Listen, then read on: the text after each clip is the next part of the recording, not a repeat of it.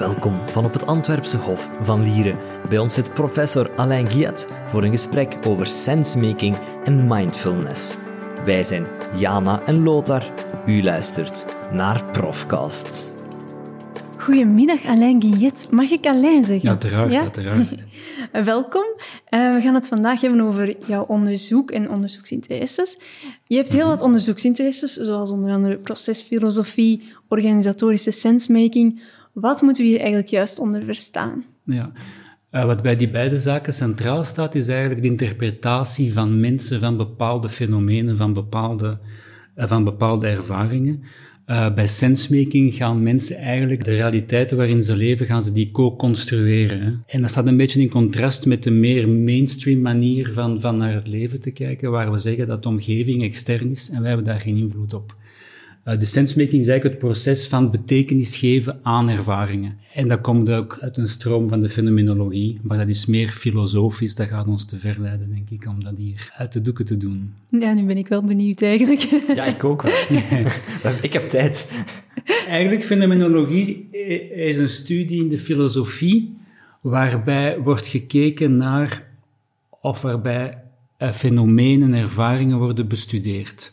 Dus hoe een persoon een bepaalde ervaring beleeft. Hè. Als je kijkt, bijvoorbeeld, hier zitten we als drieën in de zaal. Um, hoe, wij, hoe wij dit beleven is voor ieder van ons totaal verschillend. Door onze voorgeschiedenis, door, door hoe we er hier uh, bij zitten, uh, door onze ervaringen enzovoort. En fenomenologie gaat eigenlijk die wijze van interpretatie van een ervaring gaan bestuderen. En jij bestudeert dat in een, in een bedrijfscontext dan? Uh, wat ik heb gedaan voor mijn doctoraat bijvoorbeeld, en ook voor verder onderzoek, is gewoon, ja gewoon, zo gewoon is dat niet, uh, uh, dat je naar een bepaald fenomeen binnen een organisatie kijkt. In mijn geval was dat verandering, organisatieverandering. En dan ga ik met de mensen praten, dan hou ik interviews en ik, ik op een heel op een heel neutrale manier probeer ik vragen te stellen van hoe zij er een verandering beleven wat dat voor hen betekent. Um, maar op een spiegelende wijze, waardoor zij zelf ook tot een beter inzicht komen. Uh, ik ga zeker niet de pap in de mond geven in de zin van, van, van, van suggesties geven van oké, okay, van was de verandering moeilijk? Want dan ga je eigenlijk de betekenis die zij geven aan change, hè, die ga je als onderzoeker overschrijven dan. Dus als ik het goed begrijp, corrigeer mij zeker, um, is het echt heel kwalitatief gericht? Ja. En niet echt kwantitatief. Hoe staat het management daar dan tegenover? Zijn die daar heel, uh, gaan die daar heel goed in mee of staan die daar een beetje twijfelachtig in? Uit mijn ervaring gaan ze daar meestal goed in mee, om verschillende redenen. Omdat daar vaak inzichten naar boven komen die ze anders niet krijgen. En de meeste organisaties die runnen wel surveys, die runnen wel, wel, wel vragenlijsten enzovoort. En, en ja, die data die hebben ze meestal wel. Dus om die redenen, denk ik, zijn ze daar blij mee. Um, het is inderdaad volledig kwalitatief. En zoals een van mijn leervaders, Mats Alvesson uit Zweden, zei, uh, van kwantitatief onderzoek bewijst alleen maar dat mensen kruisjes kunnen zetten. En ik ga hier heel, heel zwart-wit natuurlijk, hè, want ik ga hier een heel, een heel aantal mensen op mijn dak krijgen waarschijnlijk. Uh, maar als we peilen naar hoe hoe iemand een bepaalde ervaring gaat interpreteren, gaat beleven, is dat heel moeilijk om dat met kwantitatief onderzoek te gaan onderzoeken. En doe je ook als professor onderzoek naar hoe je zo'n onderzoek moet voeren?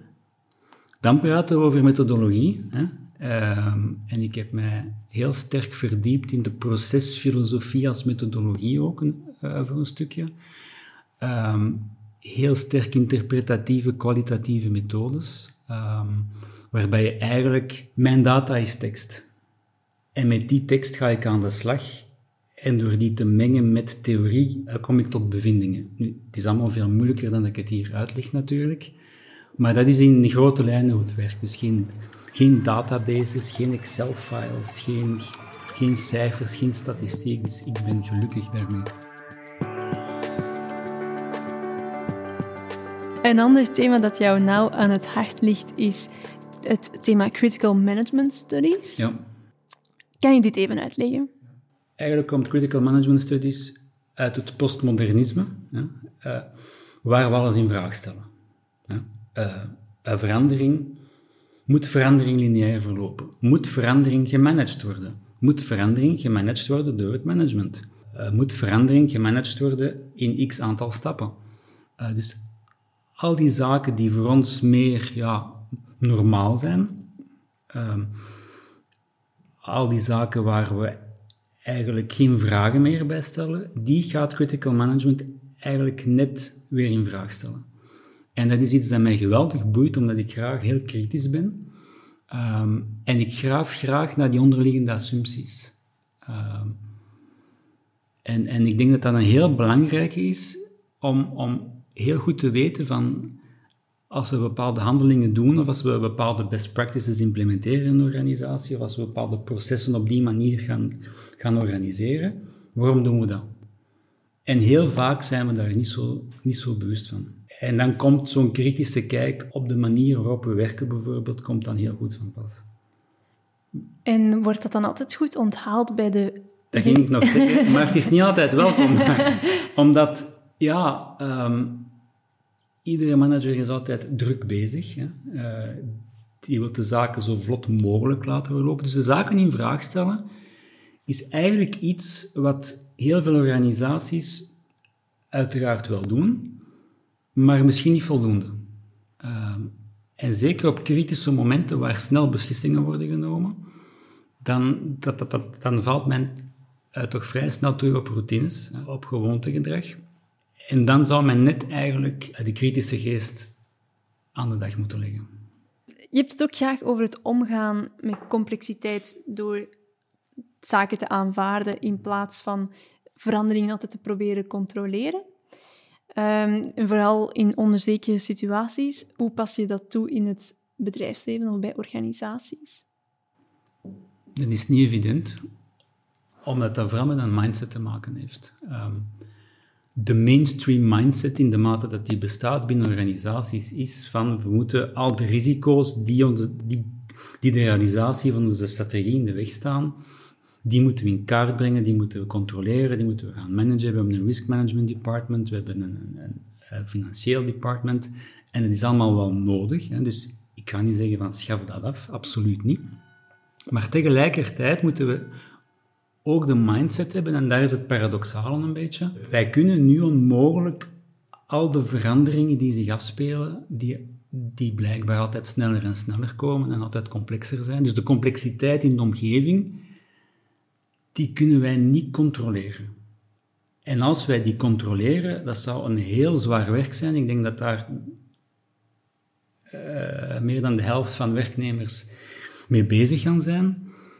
Maar het is meer een mindset van, uh, van jezelf ook wat complexer te maken. Um, wij zijn gewend, wij worden opgeleid met oké, dat is de beste manier en we moeten dat zo doen. En we krijgen theorieën en we krijgen best practices en we krijgen templates van van alles en nog wat. Maar die zijn niet altijd gealigneerd op de concrete behoeften van waar we mee bezig zijn.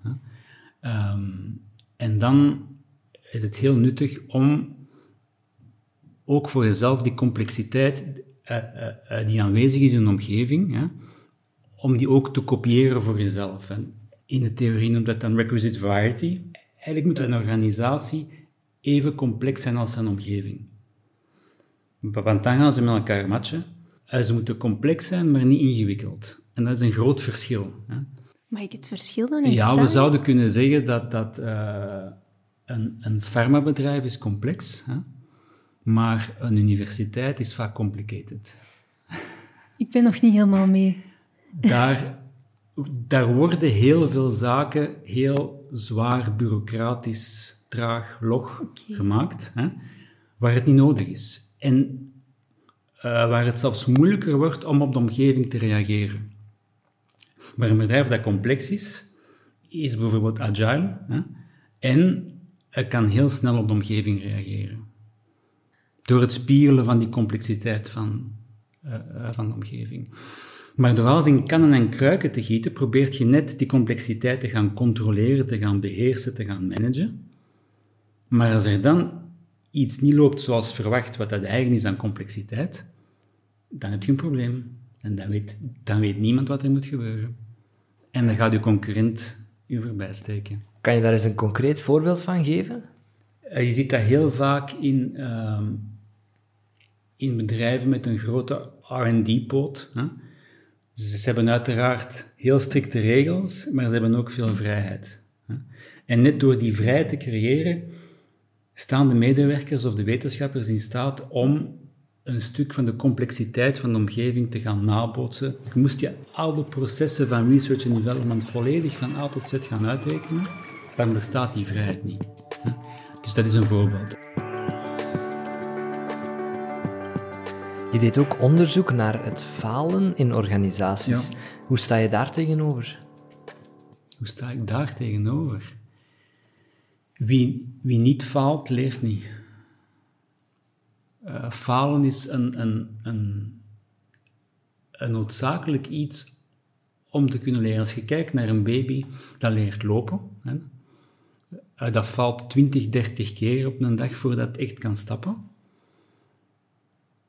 Als dat niet zou falen, zou het nooit kunnen stappen. En dus als je niet faalt, kun je niet echt op een diepe manier leren.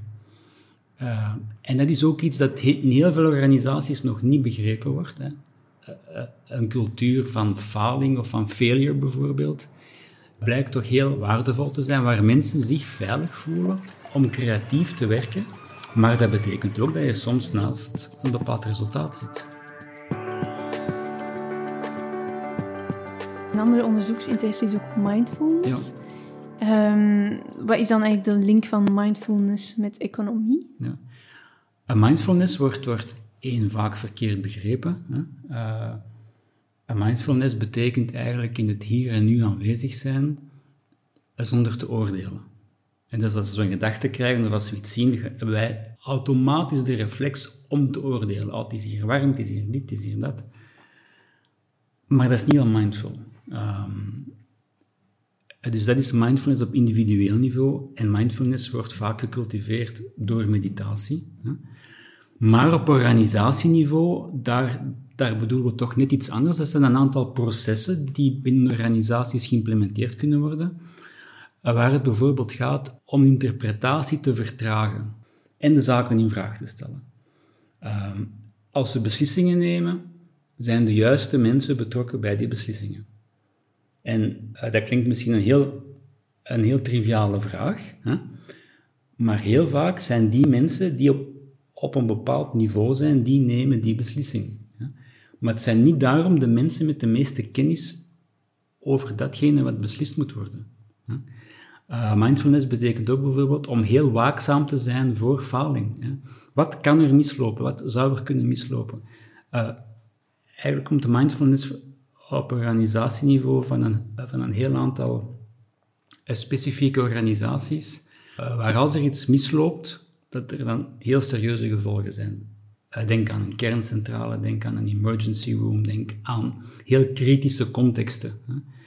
En daar mag eigenlijk niks mislopen, dus moet je heel bewust zijn van wat er gebeurt. En Eigenlijk is vandaar het concept van organisatorische mindfulness uh, gekomen.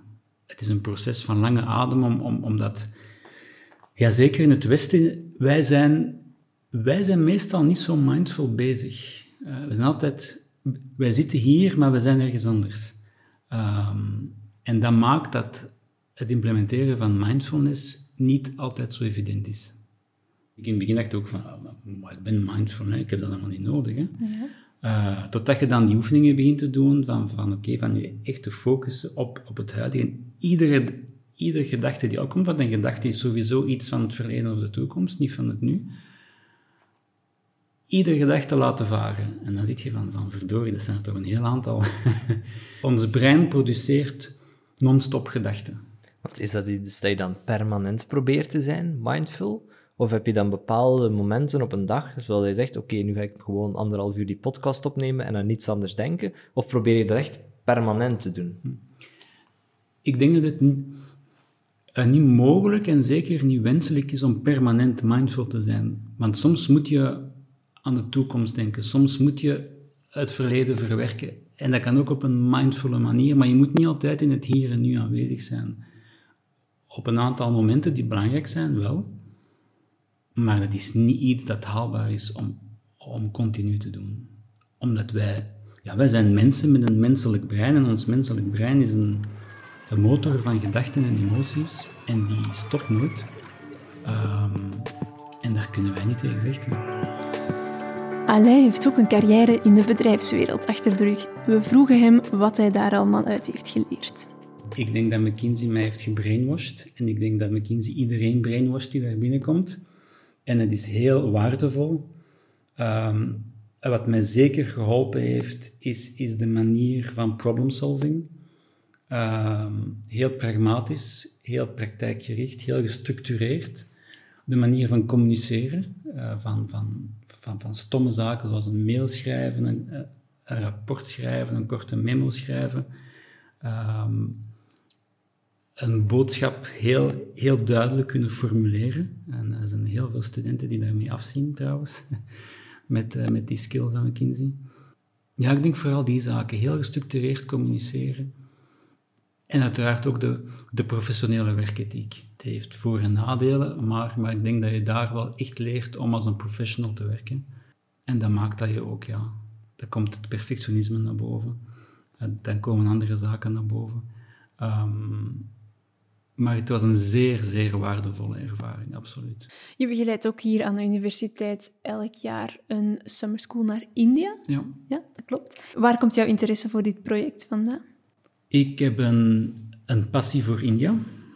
Uh, en ik denk de hoofdzaak is dat de zomerschool of het consulting bootcamp in Goa is een heel praktijkgerichte veertiendaagse, waar de studenten echt met hun voeten in een project staan. Zij zitten in de driver's seat en zij zijn in charge. En wij staan aan de zijlijn en wij coachen. En dat is de grote meerwaarde, denk ik, van dergelijke zomerschool, waar theorie in praktijk kan worden omgezet en waar er uit de praktijk nog veel meer geleerd kan worden, wat niet in de theorie staat.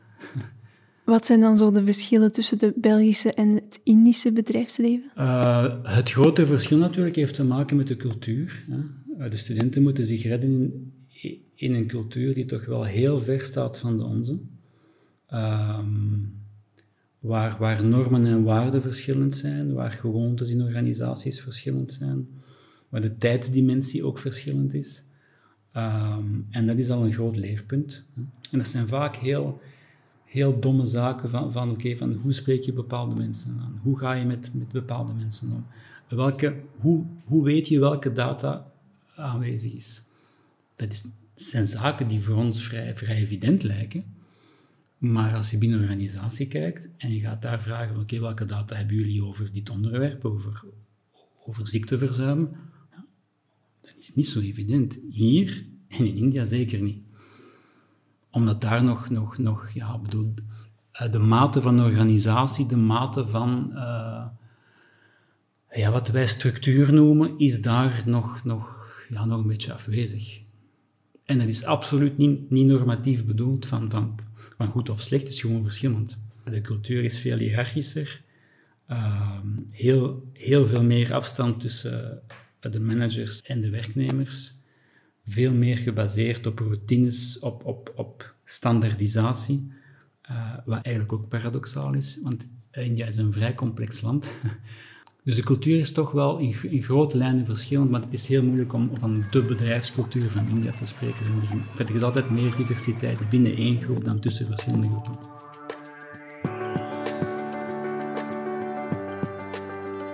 Online communiceer je open over je leven en je persoonlijke interesses, onder andere ook over LGBTQ+. Uh, voor de universiteit is dit ook een zeer belangrijk onderwerp. Welke rol kunnen wij als universiteit volgens jou daarin opnemen? Ik denk het initiatief dat ik mee heb opgestart eigenlijk twee jaar terug, uh, is zeker positief naar bewustwording. Mijn grote bezorgdheid is dat en ik spreek daar ook uit eigen ervaring, dat mensen zichzelf niet kunnen zijn. En dat is, dat is een ramp gewoon. Dat, dat, heeft heel vaak catastrofale gevolgen. En vaak is geaardheid een van de redenen waarom iemand zichzelf niet kan zijn. Zeker, en ik praat dan vooral ook naar de studentenpopulatie toe, zeker rond die leeftijd, dat praten we rond, rond, rond 19 tot, uh, tot 3, 24 of meer. ja, dat is toch de periode waar, waar, die, uh, waar die geaardheid toch zeker naar buiten komt. Hè. Ehm, en daar denk ik, daar zou een universiteit een iets proactievere rol kunnen spelen in de begeleiding van studenten die daar moeite mee hebben, die, die daar vragen over hebben, die daar twijfels over hebben. Maar het is uiteraard ook een heel, een heel, persoonlijk, een heel persoonlijk thema. Maar toch vind ik het de opdracht en de plicht van een onderwijsinstelling om daar aandacht aan te schenken. Ik vind het niet verkeerd als ik, als ik als een student daar, daar moeite mee heeft of, of, of, of die voelt zich daardoor niet goed, dan zou die eigenlijk hier op de UA of gelijkwaard terecht moeten kunnen voor een gesprek. Omdat dat ook, ook deel uitmaakt van zijn of haar ontwikkeling. Merk jij dan ook een evolutie in de manier waarop organisaties met inclusiviteit omgaan? Tegenover... inclusiviteit wordt een beetje een buzzword. Hè, waar, waar, dat, is, dat wordt soms meer een marketingthema dan wat anders. Maar met alle goede bedoelingen denk ik dat de stappen die gezet worden zeker goed zijn.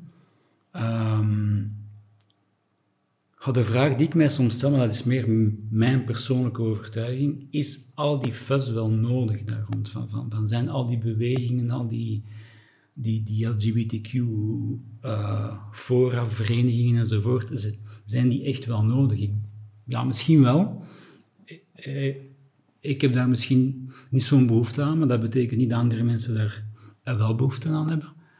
Um, maar ik denk wel dat er, dat het is een heel traag proces um, en je merkt altijd, allez, ik bedoel, ik heb nu mijn trouwring niet aan, maar als ik een trouwring aan heb, je bent getrouwd, oké, en, uh, en wie is uw vrouw dan?